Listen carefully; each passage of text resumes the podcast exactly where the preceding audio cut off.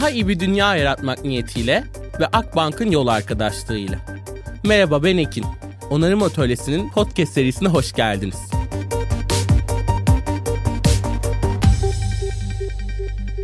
Herkese kocaman bir merhabalar. Onarım Atölyesi Podcast'in yeni bölümüne hoş geldiniz.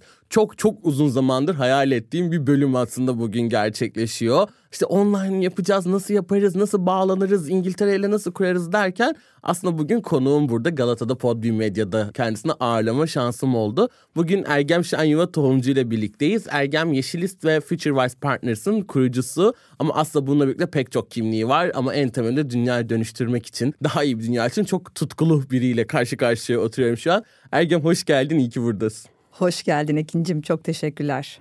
Birlikte olmak çok çok keyifli hakikaten böyle uzun zamandır da bu sohbeti planlıyorduk. Çok çok mutluyum bunu yüz yüze gerçekleştirdiğimiz için.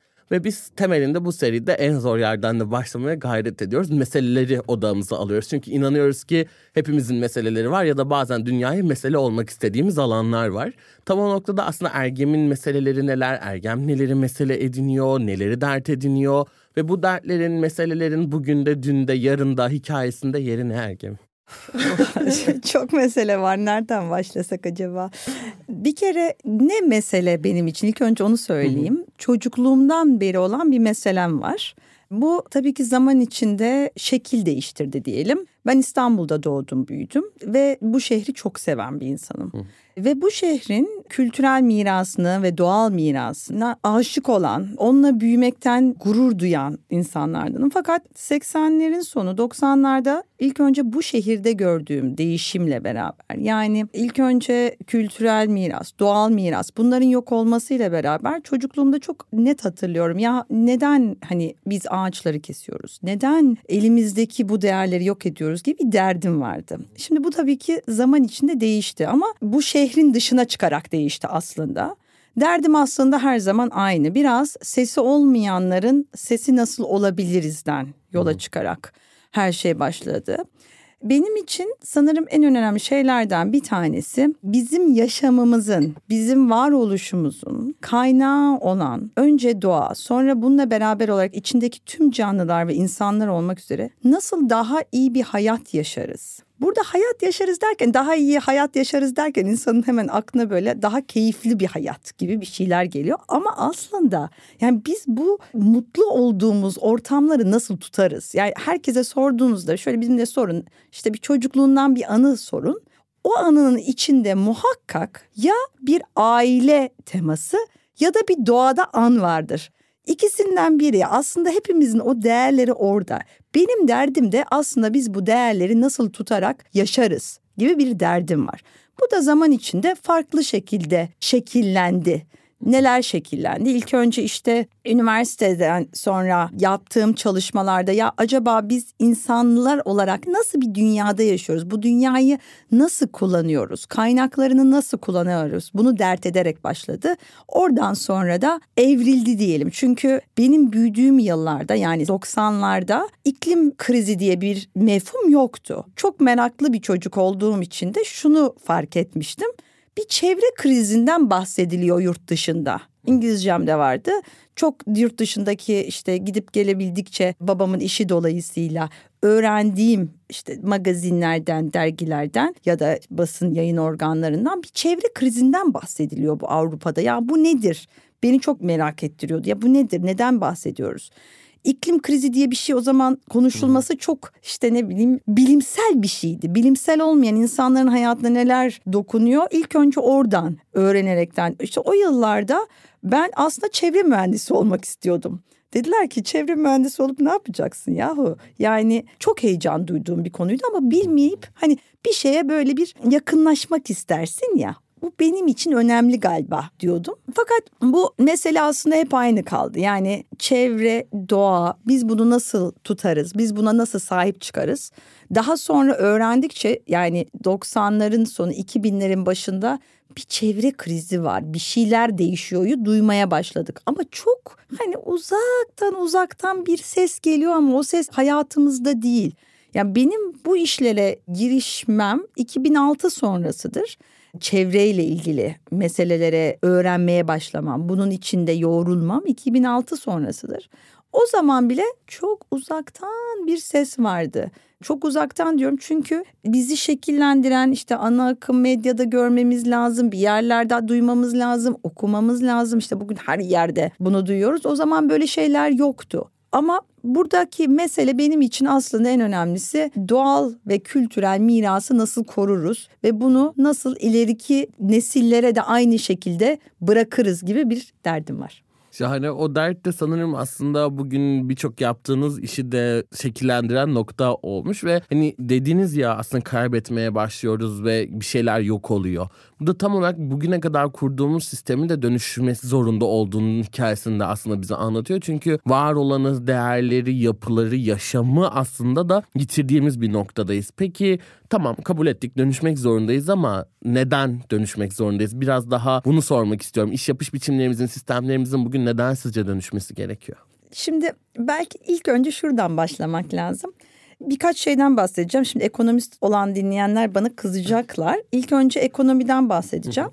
Çünkü üniversitede çevre ekonomisi dersi almıştım. Çok tatlı bir hocam vardı. Ya dedim ki bu dışsallıkları biz niye fiyatlandırmıyoruz? Bunlar ne oldu diyorum. İşte ağacın değeri nedir? İşte o zaman tabii çok yani tekrar söylüyorum 90'lardayız. İşte o diyor bir orman ekonomisti onu bilir falan. Ama nedir yani bu ağacın değeri ne? Bu suyun değeri ne? Okyanusun değeri ne? Denizdeki balığın değeri ne? Çünkü biz değeri hep şöyle gördük. İşte bana nasıl bir katkısı var insanoğlu olarak. Fakat böyle baktığında dünyaya sen orada yalnızca yani değer gördüğümüz şeyler ben bunu işte aldım bu tahtayı aldım bu ağacı aldım nasıl masa yaptım bana nasıl faydası var. Çok tek yönlü bir ilişkiden bahsediyoruz. Ve bu tek yönlü ilişki de biz işte bu externality dediğimiz içinde ekonomik sistemde değerlendirmediğimiz bir algı var. Bir dışarıdakiler var. Yani işte benim o ağacı kesmemde bir karbon salımı meselesi var. Ya da benim o ağacı kesmemde oradaki ormandaki başka canlıların artık evinin yok olması var. Biz bunları hiçbir zaman düşünmüyoruz. Bunlara baktığımızda aslında ilişkimiz yukarıdan inme böyle tepeden ben aldım. Yani çok bencil bir ilişkimiz var bizim doğayla. Aynı ilişkiyi aslında biz birçok alanda yapıyoruz. İlk önce buradan başlamak lazım. Bu bence en temel şeylerden bir tanesi. Benim bir şapkamda üniversitede ders veriyorum Londra'da. Hı hı. Benim ilk dersimde öğrenciler Donut Economics'in, Kate Raworth'un bir videosunu seyrettiririm. İlk ders budur. Çünkü o dersten çıkarlar ve derler ki her zaman ya biz ekonomiye hiç böyle bakmamıştık. Evet. Çünkü gerçekten başka bakmamız gereken bir sistemde yan geliyoruz. İlk önce bir bunu söylemek istiyorum. İkincisi bizim alışık olduğumuz sistem şu. Bir ürünü üreteceksen bunu en düşük maliyetle nerede üretirsen üret sistemimiz buydu bizim. Şimdi böyle bir sistemden gelince ister istemez ne doğayı, ne orada çalışan insanı, ne suyu hiçbir şey düşünmüyoruz. Denizin demin biraz evvel bahsettim. Denizin değeri dediğimizde yani ben oradan yalnızca aldığım balık kaça satılıyor diye bakamam ki. Hı hı. Oradaki yaşayan insanların nasıl hayatını idam ettireceği, bu balık ne olacak, ileride ne olacak, orada ne gibi bir sistem var ki işte iklim değişikliğini ya da farklı ileriye dönük yönetilmesi gereken sistemleri, ekoçeşitliliği, biyoçeşitliliği devam ettiriyor. Şimdi bu ikisinden bakınca belki en temel iki mesele böyle. Yani iş yapışımızda ilk belki sorgulamamız gereken şey ben bu işi yapıyorum ama bunun etkisi gerçekten ne? Yani çok oluyor işte örnek veriyorum. Aman canım çok ucuzmuş al hemen. Al hemen ama o nereden geliyor? Nerede yapıldı? Ne kaynaklar kullanıldı? Bunlar hiçbir şekilde bir ürünün işte Çin, uzak doğu ya da yapıldığı yerden gelirken ki karbon ayak izinden tutun onun doğaya etkisini biz hiçbir şekilde halen konuşmuyoruz. Çok yeni şeyler bunlar. Bu da işte o yüzden beni hep tedarik zincirlerine götürdü. Yani burada gerçekten nedir bizim etkimiz sorusuyla.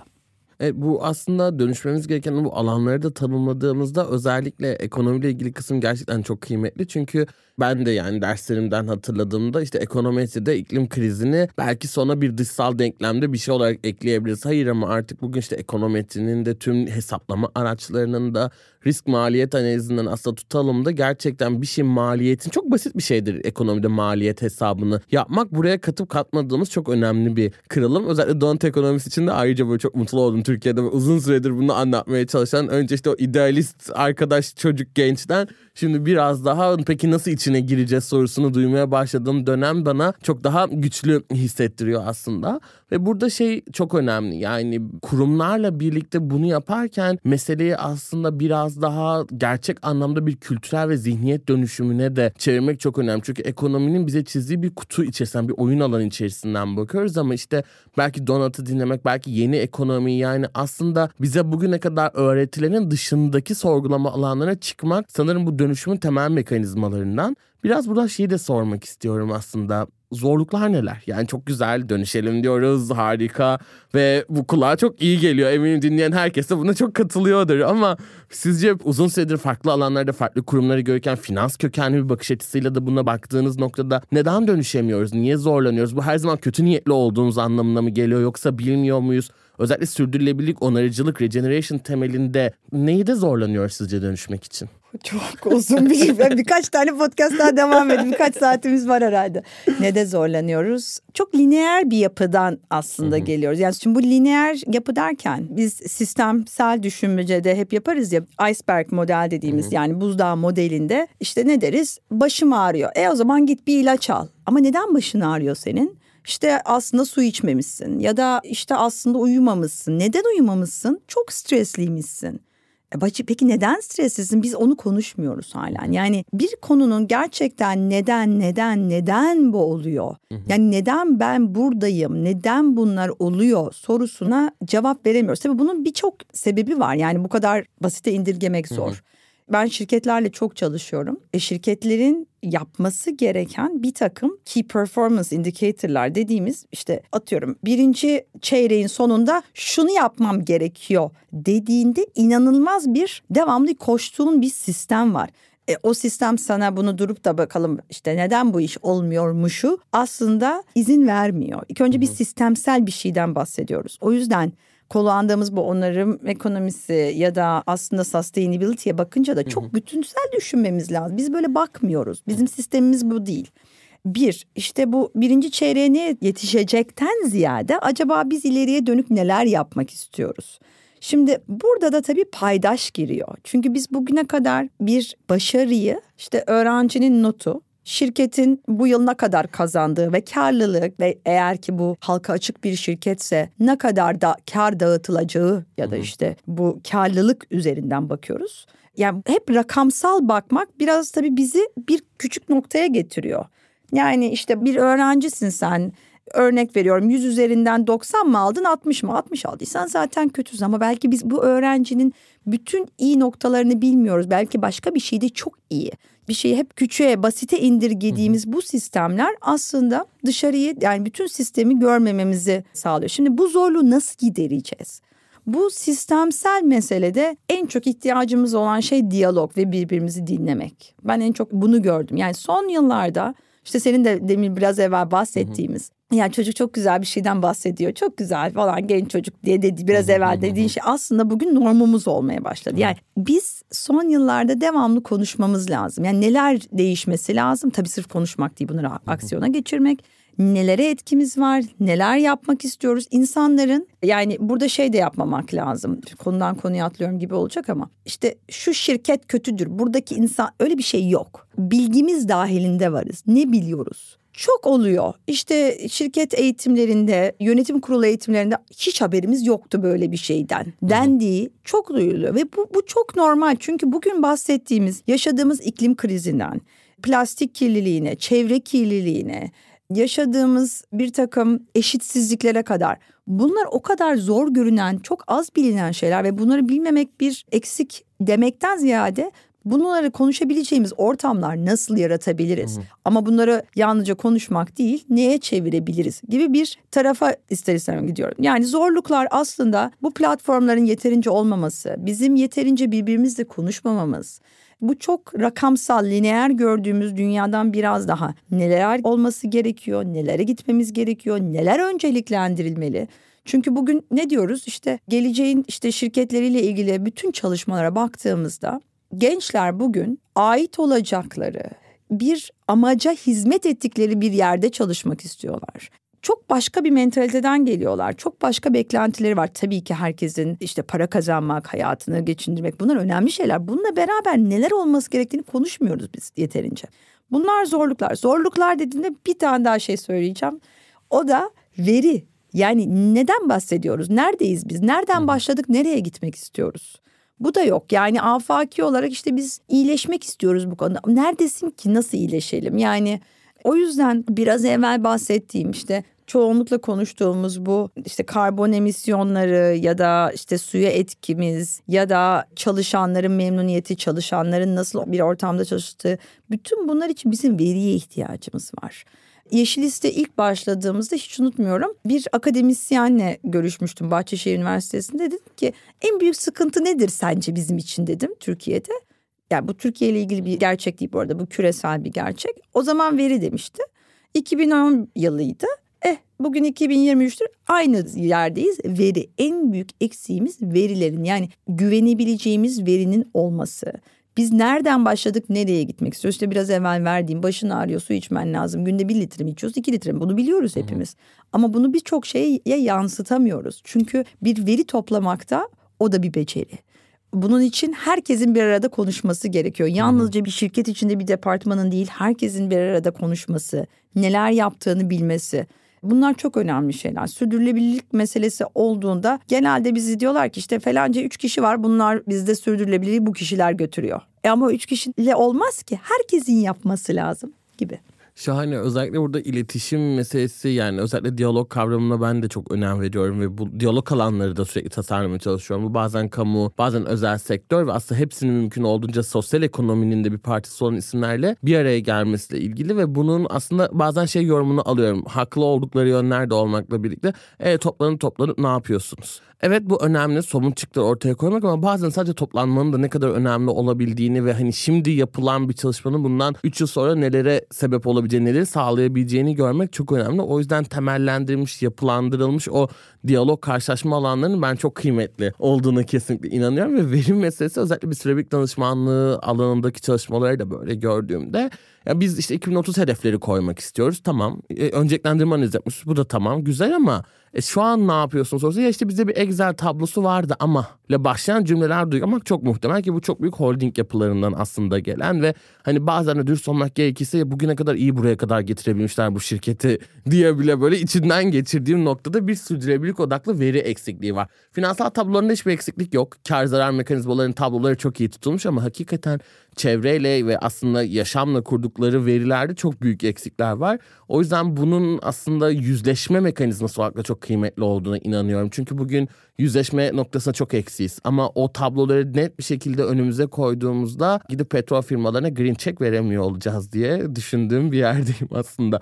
Biraz da şeye de hızlıca girmek istiyorum. Yani pek çok dikeyiniz var çalıştığınız ve ben hepsinde de fikirlerinizi almak da çok istiyorum. Özellikle yatırım meselesi. Yani bugün dünyanın herkesin de dediği gibi kapitalistler asla yanılmaz. Para her zaman doğru yöne gider gibi söylemleri çok duyuyoruz ve bugünlerde ESG yatırımının etki yatırımında gittikçe yükselen kavramlar, artan fonlar olduğunu görüyoruz ama benim özellikle ESG ve etki yatırımıyla ilgili kendi içimde hissettiğim bir huzursuzluk var. Sanki bunun iki ucu varmış gibi hissediyorum. Bir tanesi hakikaten daha iyi bir dünya için bir şekilde kendinden vermeyi kabul etmekle başlayan ve çok az kesimin bakış açısıyla yaptığı yatırım bir, bir yere gerçekten para buraya gittiği için. Yani iklim krizi geliyor, gıda krizi geliyor ve ben bunlara cevap veren teknolojilere ya da girişimlere yatırım yapmalıyım ki ben param aslında doğru bir yere değerlensin. Bunu da kötü bulmamakla birlikte bugün ihtiyacımız olan şeyin daha diğer ilkine göre olan bir yatırım olduğunu düşünüyorum. Çünkü biraz karlılığın ötesini bu yatırım türlerinde görmek gerektiğine inanıyorum. Özellikle siz siz nasıl görüyorsunuz? Yani ESG yatırımlarına bugün dünyada nasıl yaklaşılıyor?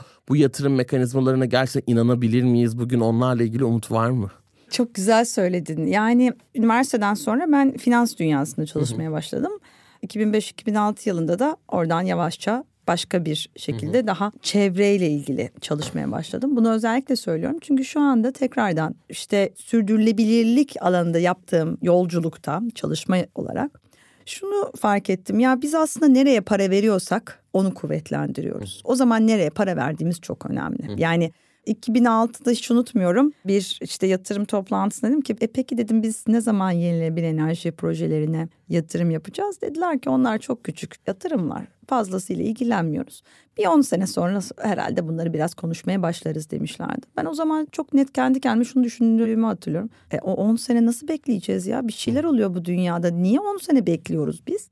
Şimdi biraz oraya döndüm. O yüzden bu yatırım dünyası ile ilgili denecek birkaç şey var. Birincisi işte sürdürülebilir yatırım. Bu şu anda inanılmaz derecede sıcak bir konu. Bütün yatırımcılar aman Allah'ım işte şuna yatırım yapalım diyor. Fakat tabii o da kendi içinde enteresan bir dünya. Bir taraftan aktivist yatırımcıların büyük petrol şirketlerinin değiştirmek için onların yönetim kuruluna girdiğini görüyorsunuz. Hı. Bir taraftan bir ivme var çünkü diyor ki ya bir şey bir dakika ben yatırım yapacaksam bunun ileriye dönük olması gerektiğini Hı. düşünüyorum. Yani işte bugün bunun en iyi örneklerinden bir tanesi Bill Gates'in bu Breakthrough Ventures dediği Hı. iklim teknolojilerine inanılmaz bir yatırım yapılıyor. Öyle böyle yatırım Hı. yapılmıyor şu anda bunların hangisi getirecek, şu nasıl olacak diye bu konuşmalar çok fazlasıyla devam ediyor. Şimdi biz böyle baktığımızda ne kriterlerle bakıyoruz? Birincisi karbon emisyonlarına çok takılmış durumdayız. Bunun yanında biz suyu, biyoçeşitliliği, etkiyi tam aslında şu anda ölçebilecek kadar verimiz de yok. Bu veri nereden gelecek? Bunlar henüz çok yeni oluşan sistemler. Hemen burada diyorlar ki yatırımcılar ama biliyorsun sistem hazır değil. Hazır olduğunda biz yatırım yapacağız diyorlar. Bu, buna bayılıyorum diyorum ki ne hazırlık bekliyorsun?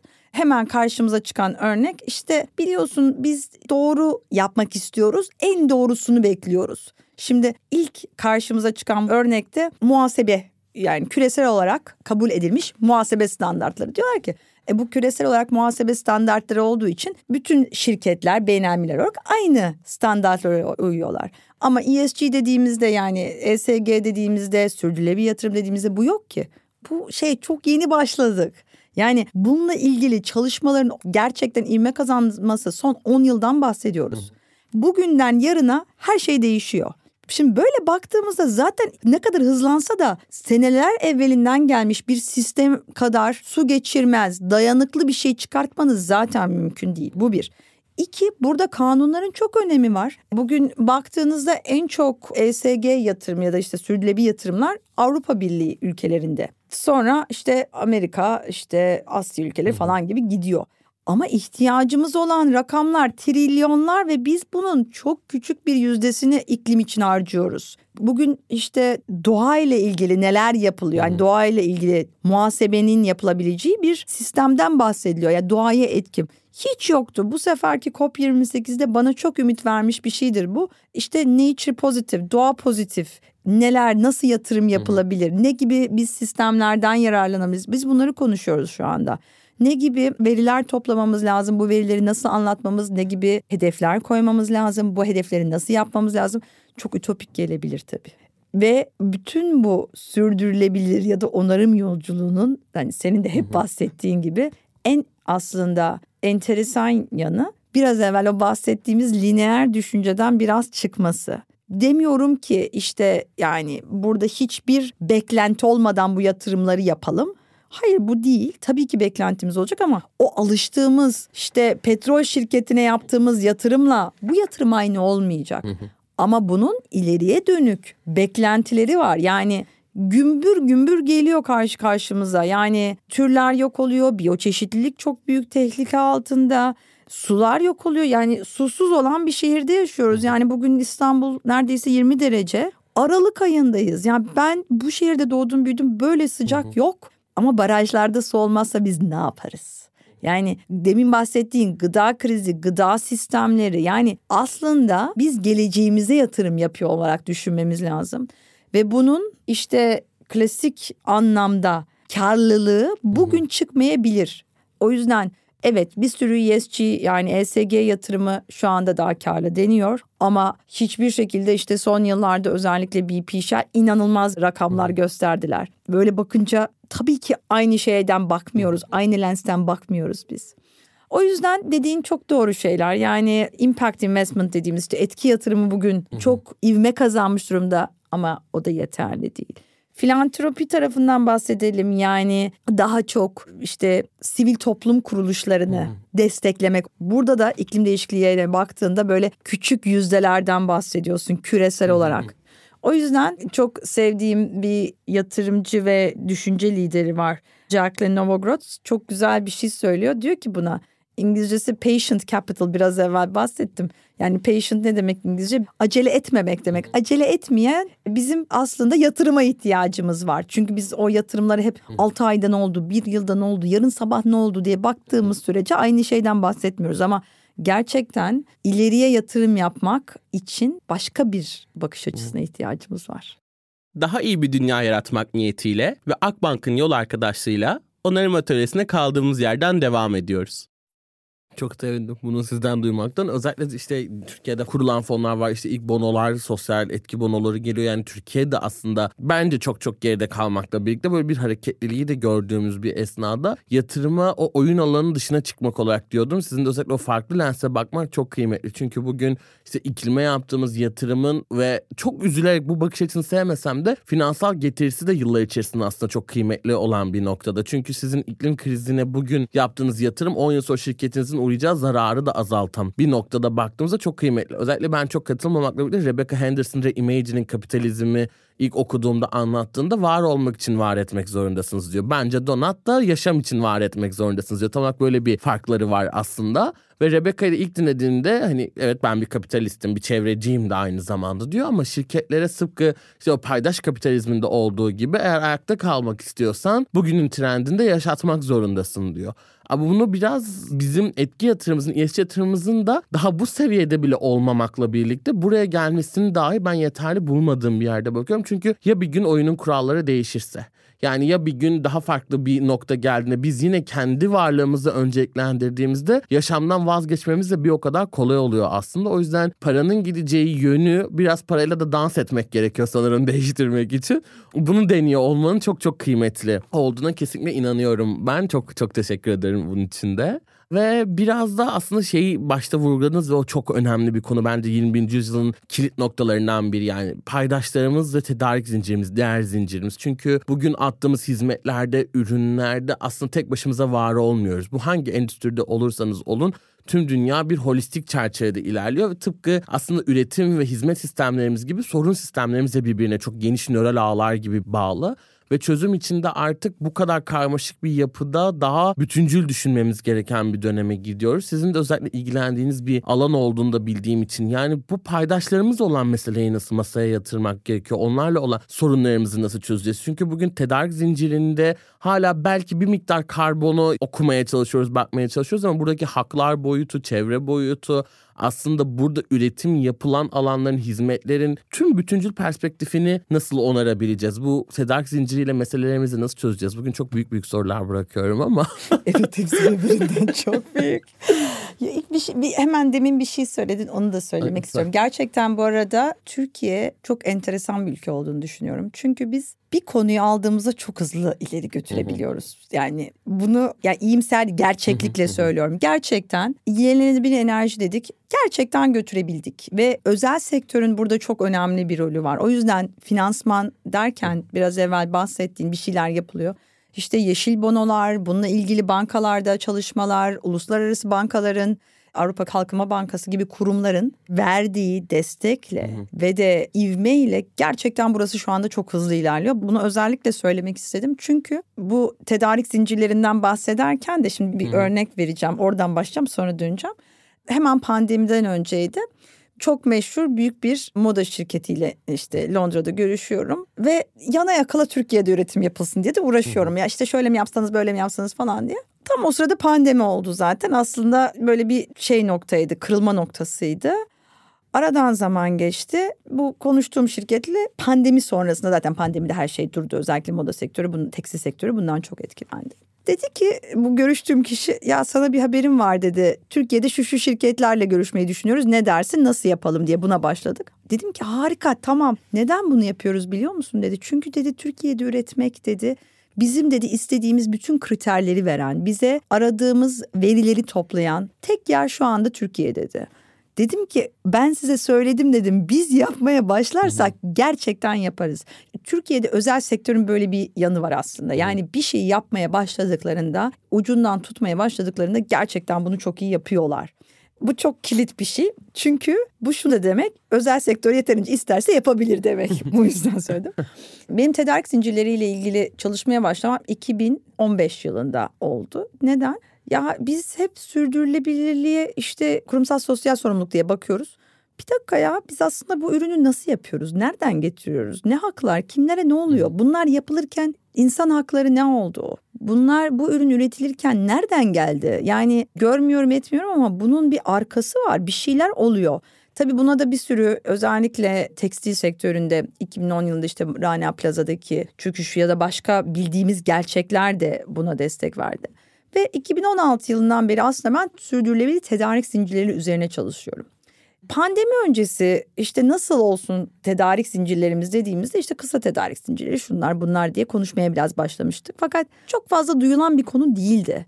Pandemi oldu ve bir anda herkes dedi ki bir dakika bir dakika bizim tedarik zincirleri hiç aslında dayanıklı değilmiş. Biz nasıl bir sistem kurmuşuz? En basitinden yani pandemide yaşadığımız en büyük sıkıntı neydi? Gıdaydı. Yani gıda nasıl olacak, tedarik edilecek? Öyle bir sistem kurmuşuz ki bir ürünü yani bunu daha çok küresel hı hı. anlamda konuşuyorum. Çünkü ben İstanbul'da yaşamıyordum o sırada.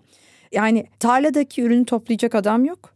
Tarladaki toplanan ürünü satacak kişi hangi nereye vereceğini şaşırmış durumda. Çünkü normalde onun tedarik sistemi misal veriyorum restoran sektörüne veriyormuş. Şimdi bir anda değiştirmesi gerekiyor ama sistem o kadar bir anda hop diye değişmiyor ki. Pandemi bize aslında sistemin ne kadar kırılgan olduğunu gösterdi. Şimdi tedarik zincirleri dediğimizde bugün işte şirketler biraz evvel bahsettin ya karbona odaklıyız.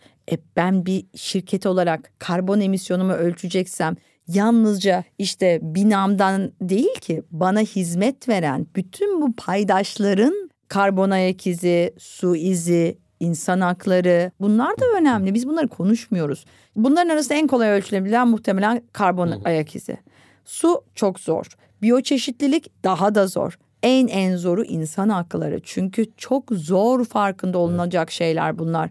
Ve tekrar bu en başında dediğim lineer sistemde tepeden inme çalışıyoruz. Yani gerçekten neler olduğunu bilmiyoruz. Şimdi bu şirketlerin bir takım talepleri oluyor. Diyorlar ki işte bir ürün üretilirken şunlar şunlar olması gerekiyor. Şimdi işte bir takım ESG faktörleri olacak ya. Ama senin tedarikçin bunları yapabilecek kapasitede mi acaba? Siz oturup da mavi yakaya eğitim vermeniz öyle beyaz yakaya verdiğiniz eğitim gibi öyle bir zamanınız yok. Bu beklentileri acaba mavi yaka nasıl karşılayacak? Bunun için sistemler var mı? Bunları hiç konuşmuyoruz ve yapılan araştırmalarda şunu çok güzel görüyoruz net olarak. Yani bu tepeden inme yine sistemi yani ESG falan diye yönet sürdürülebilir diye konuşuyoruz ya. Bu tepeden inme sistemlerde bu sefer biz olmayacak büyük beklentileri bu küçük üreticilerden istiyoruz. Halbuki kobiler Türkiye'de de dünyada da her yerde aslında ekonominin kalbi ama bu iletişimsizlik yine oradaki verilerin azlığı, insan hakları ihlalleri, işte çevresel sürdürülebilirlikle beklentilerine aykırı bir sürü şey olmaya başlıyor. Yani o yüzden oradaki belki en önemli şeylerden bir tanesi bu paydaşların ne olduğu, ne ihtiyaçları olduğu, bunu gerçek anlamda ne ihtiyaçları olduğu. Çünkü birazcık şu şöyle yani siz ne kadar aslında iyi iş yapmak istiyorsanız paydaşınızın ne olduğu, kim olduğu ve ne kadar iyi olduğu çok çok önemli. Şahane özellikle bu günlerde kobiler meselesi Türkiye'de de çok önemli bir noktada. Çünkü işte gelen yeşil dönüşümle birlikte ben Türkiye'nin pek çok noktası kobi ile yeşil dönüşüm ve işte işte şimdi ikiz dönüşüm, üçüz dönüşüm dediğimiz aslında temelinde hep aynı şeyleri konuştuğumuz meseleleri konuşmaya çalıştığımda en sonunda şeye varıyordum. Yapmazsan batacaksın. Hani bu bu dile kadar gelmek durumunda kaldığım noktada gerçekten iletişimin ne kadar büyük bir eksik olduğunu burada da görüyoruz. Neden yapması gerektiğini çok bilmiyorlar. O yüzden de suçlayamadığım bir yerden de bakıyorum. Yani büyük büyük yapılar, devasa iş sistemleri COBİ'lerle yeteri kadar diyalog kurmuyorlar. Bugün finans kuruluşları bir nebze finans ürünleriyle aslında bunu yapmaya çalışsa da tedarik zincirimizde bir şeyleri ölçmenin de çok zor olduğunu fark ettiğimiz bir noktada. Özellikle işte şeyi konuşuyoruz. Arabada bir şey taşıyor. Sadece senin için mi taşıyor? Yan sokaktaki ne de mi bırakacak? Bunun bile metrikleri bu kadar değiştirdiği sadece sana mı getiriyor Yoksa başka bir şey mi varın bile sadece o basit görece dediğimiz karbonu bile aslında ne kadar zor olduğunu gördüğümüz bir dünyada insan haklarını ölçmenin ne kadar bir yolu var bu gerçekten tartışılır. Belki de burada artık işte Web3 dediğimiz teknolojinin işte blockchain'in o değiştirilemez yapıların, ağ yapılarının burada belki artık devreye girmesi gerekiyor. Çünkü işte Rana Plaza gibi çok basit sorular. Benim kıyafetimi kim üretti? Yani hani ne şartlar altında üretti? Bunların mekanizmalaştırılması gerekiyor ama tedarik zinciri özellikle donut ekonomisinde de artık böyle yeni yapıları anlatmaya çalışıyor. Beş kilit noktadan biri. Ve bir sistemi degeneratiften regenerative'e çevirmek için çözmek zorunda olduğumuz yerlerden bir tanesi. Çünkü biz içinde bulunduğumuz binalarda, alanlarda ne kadar her şeyi hallettiğimizi düşünsek de dışarıdaki yaşam pek de böyle olmuyor. Özellikle kayıt dışı dünyanın da bu kadar yaygın olduğu bir gerçeklikte yaşarken sanırım. evet çok güzel bir şey söyledin ya şimdi bu sürdürülebilir yani kobiler dünyanın her yerinde yani biz yurt dışında da kobilerle büyük şirketler için kobileri şu anda güçlendirmek için uğraşıyoruz. Şimdi bir bahsettiğin kayıt dışı ekonomi var. Öyle de bir dert var karşımızda. dert derken yani takip etmek, sorumluluk vermek, almak, öğretmek anlamında. Buradaki çok şey bir şey var. Yani ben bunu finans sektöründe de çok görüyorum.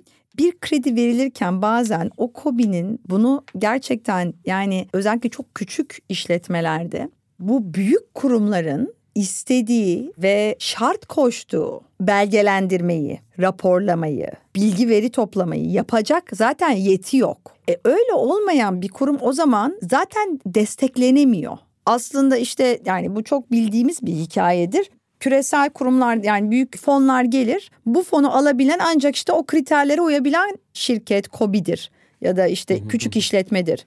Halbuki aslında onu alamayan da bir o kadar önemli iş yapıyor. Onu nasıl dahil edeceğiz biz işin içine?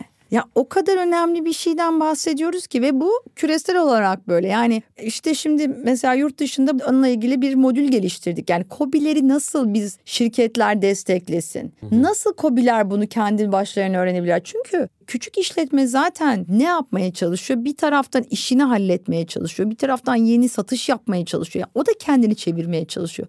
Bunun yanında oturup da ben şöyle veri toplayacağım diye bu adamın böyle bir derdi olan yani böyle bir alan yok. Ama bu alanı yaratabilecek mekanizmalar yaratmak mümkün. Ve bu alanı yaratmak için de büyük şirketlerin bence bir sorumluluğu var. Çünkü sen eğer ki bir paydaşından bunu istiyorsan o zaman senin de birazcık esnek olabilmen ve burada gerçekten şunu şunu yaptın mı'nın ötesinde neler yapıyorsun sen nedir senin derdin deme gibi bir ihtiyaç var. Yani benim bugüne kadar sürdürülebilir tedarik zincirleri ilgili işte çalıştığım bir Alman firması vardı müthiş bir iş yaptılar. Yani özellikle pandemide ve sonrasında o küçük kobileri yapamayan kobiyi aradı dedi ki senin ihtiyacın olan misal veriyorum şu kadar bin euro şunu yapman lazım ben de sana bunu veriyorum ama tabii ki şu taahhütle veriyorum. Bu taahhüt onu baskı yapmak için değil onu gerçekten güçlendirmek için olan bir taahhüt çok önemli. Dediğin gibi bu diyalog çok önemli bir şey. Buna çok ihtiyacımız var. Şeffaflık, işte o biraz evvel bahsettiğin işte blockchain'le mi yapacağız? Web 3.0 bizi nelere götürecek? Bu çok çok aramızda konuştuğumuz şeyler zaten değil mi? Evet kesinlikle ve aslında belki de blockchain gibi Web3 teknolojilerinin ya da demokratikleşmesi için de çok kıymetli. Çünkü şu an dünyada hep bahsettiğimiz risklerden bir tanesi bir grup birçok şeyi çoğunluğunu elinde tutuyor. Ve biz bunu sadece para ve gelir gibi düşünüyoruz ama aslında bugün daha da büyük şeylere odaklanmamız gerekiyor. Gıdayı, yapay zekayı, mülkiyeti, patenti ve bütçe blockchain'i de elinde tutmaya başladı. Bilgiyi elinde tutmaya başladığı bir noktada refahtan daha tehlikeli. O yüzden aslında bu yeni teknolojilerin daha gelişme aşamasında mümkün olunca demokratikleşiyor olması sanırım böyle önümüzdeki dönemin tedarik zinciri problemlerinden bir tanesi olacak. Bunları da belki şimdiden böyle konuşmak da çok kıymetli gerçekten. Ve ben böyle sona doğru giderken aslında böyle bir toparlayıcı yine büyük bir soruyu daha da hani sormak istiyorum.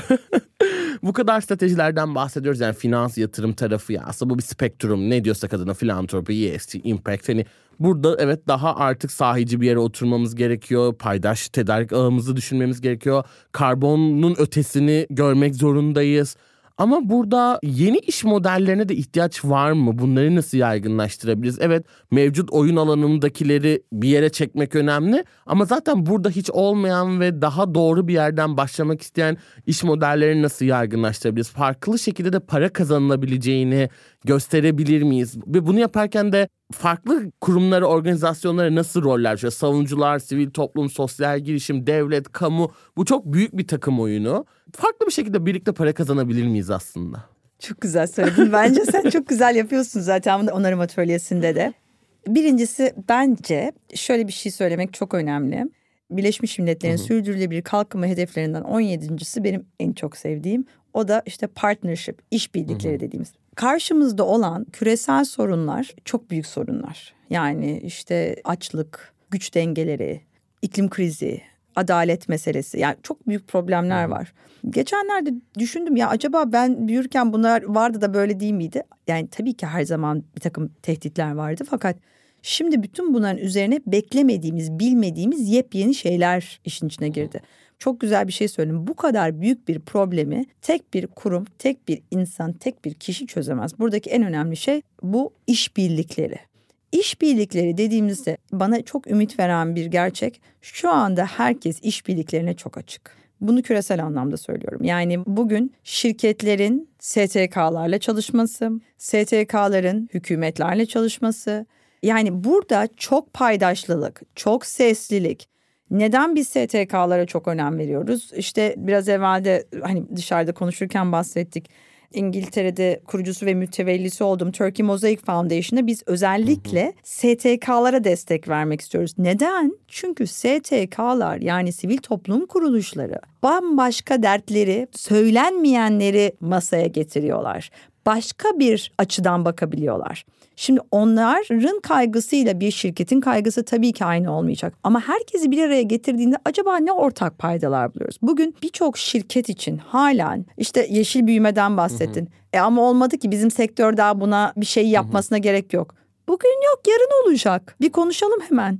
Yani bugün küresel olarak düşündüğümüzde de neler var? Kimler ihtiyaçlar neler? STK'lar, filantropi organizasyonları, üniversiteler, şirketler, kanun yapıcıların gerek yerel gerek merkezi olarak bir arada olması çok önemli. Ve biz hep çok büyük çözmeye çalışıyoruz ama onarım atölyesinde de sanırım aynı şeyler üzerinden hep bazı birkaç podcastinde de buna denk geldim zaten. Daha küçük sistemler kurarak daha büyük etkiler yaratmak mümkün gerçekten işte o paydaşlık şu anda çok fazlasıyla. Ben COP28'den işte neler çıktığından bağımsız olarak bir ümitle döndüm bu sefer hı hı. Dubai'den. Dedim ki ilk defa gerçekten bu işte public private dediğimiz özel şirketlerle kamunun beraber çalışması, hı hı. daha çok çalışması, daha çok işbirliği yapması. Burada tabii şeyi anlamamak lazım çok önemli. Hemen parantez hı hı. açıyorum özel şirketlerin kendi avantajına lobicilik yapmasından ben bahsetmiyorum.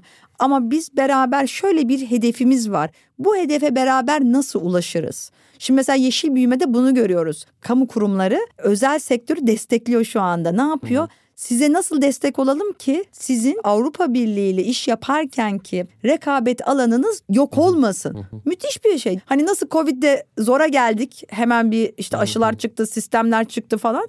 Demek ki zora gelince çok güzel işbirlikleri yapabiliyoruz.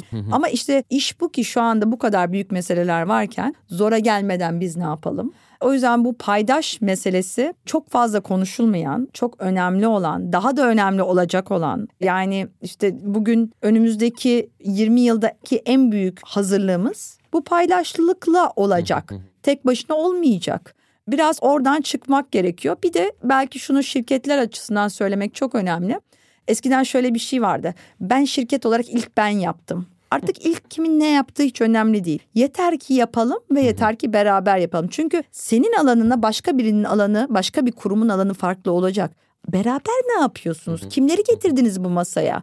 Yani şöyle bir araştırmaya bakılınca başarılı bütün sistemler bu çok sesliliği, çoklu platformları destekleyebilen, bundan korkmayan, korkmamak da lazım bu arada. Herkes de bir, çok büyük korku. Şimdi bu sürdürülebilirliğe girersek ne olacak? Hiçbir şey olmayacak. Beraber bir yere gideceğiz. Bu bir yolculuk. Kimse yüzde yüz sürdürülebilir. Kimse şu değil. Bu bir yolculuk. O yolculuğa çıkacağız.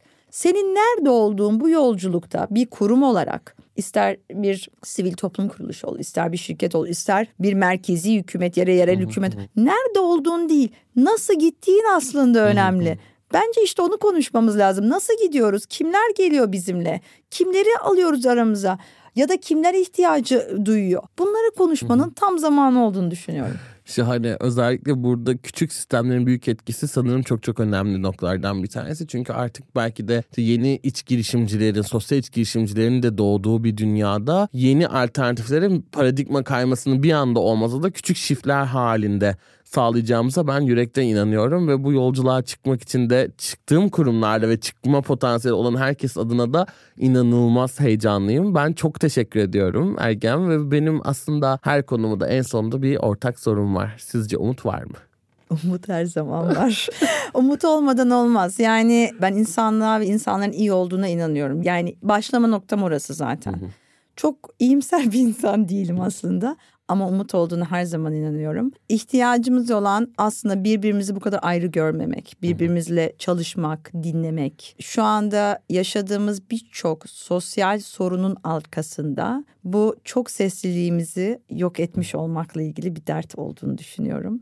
O yüzden eğer ki birbirimizi dinlersek çok umut olacağına da inanıyorum. Çok teşekkür ediyorum. Senin yaptığın işler bana umut veriyor mesela. O yüzden umut var diyorum. Çok teşekkür ederim. İyi ki buradaydın. Daha umutlu yerlerde umuyorum buluşmak üzere. Çok teşekkürler. Ben teşekkür ederim. Daha iyi bir dünya yaratmak niyetiyle ve Akbank'ın yol arkadaşlığıyla iyilik ve dostlukla. Bir sonraki bölümde görüşmek üzere.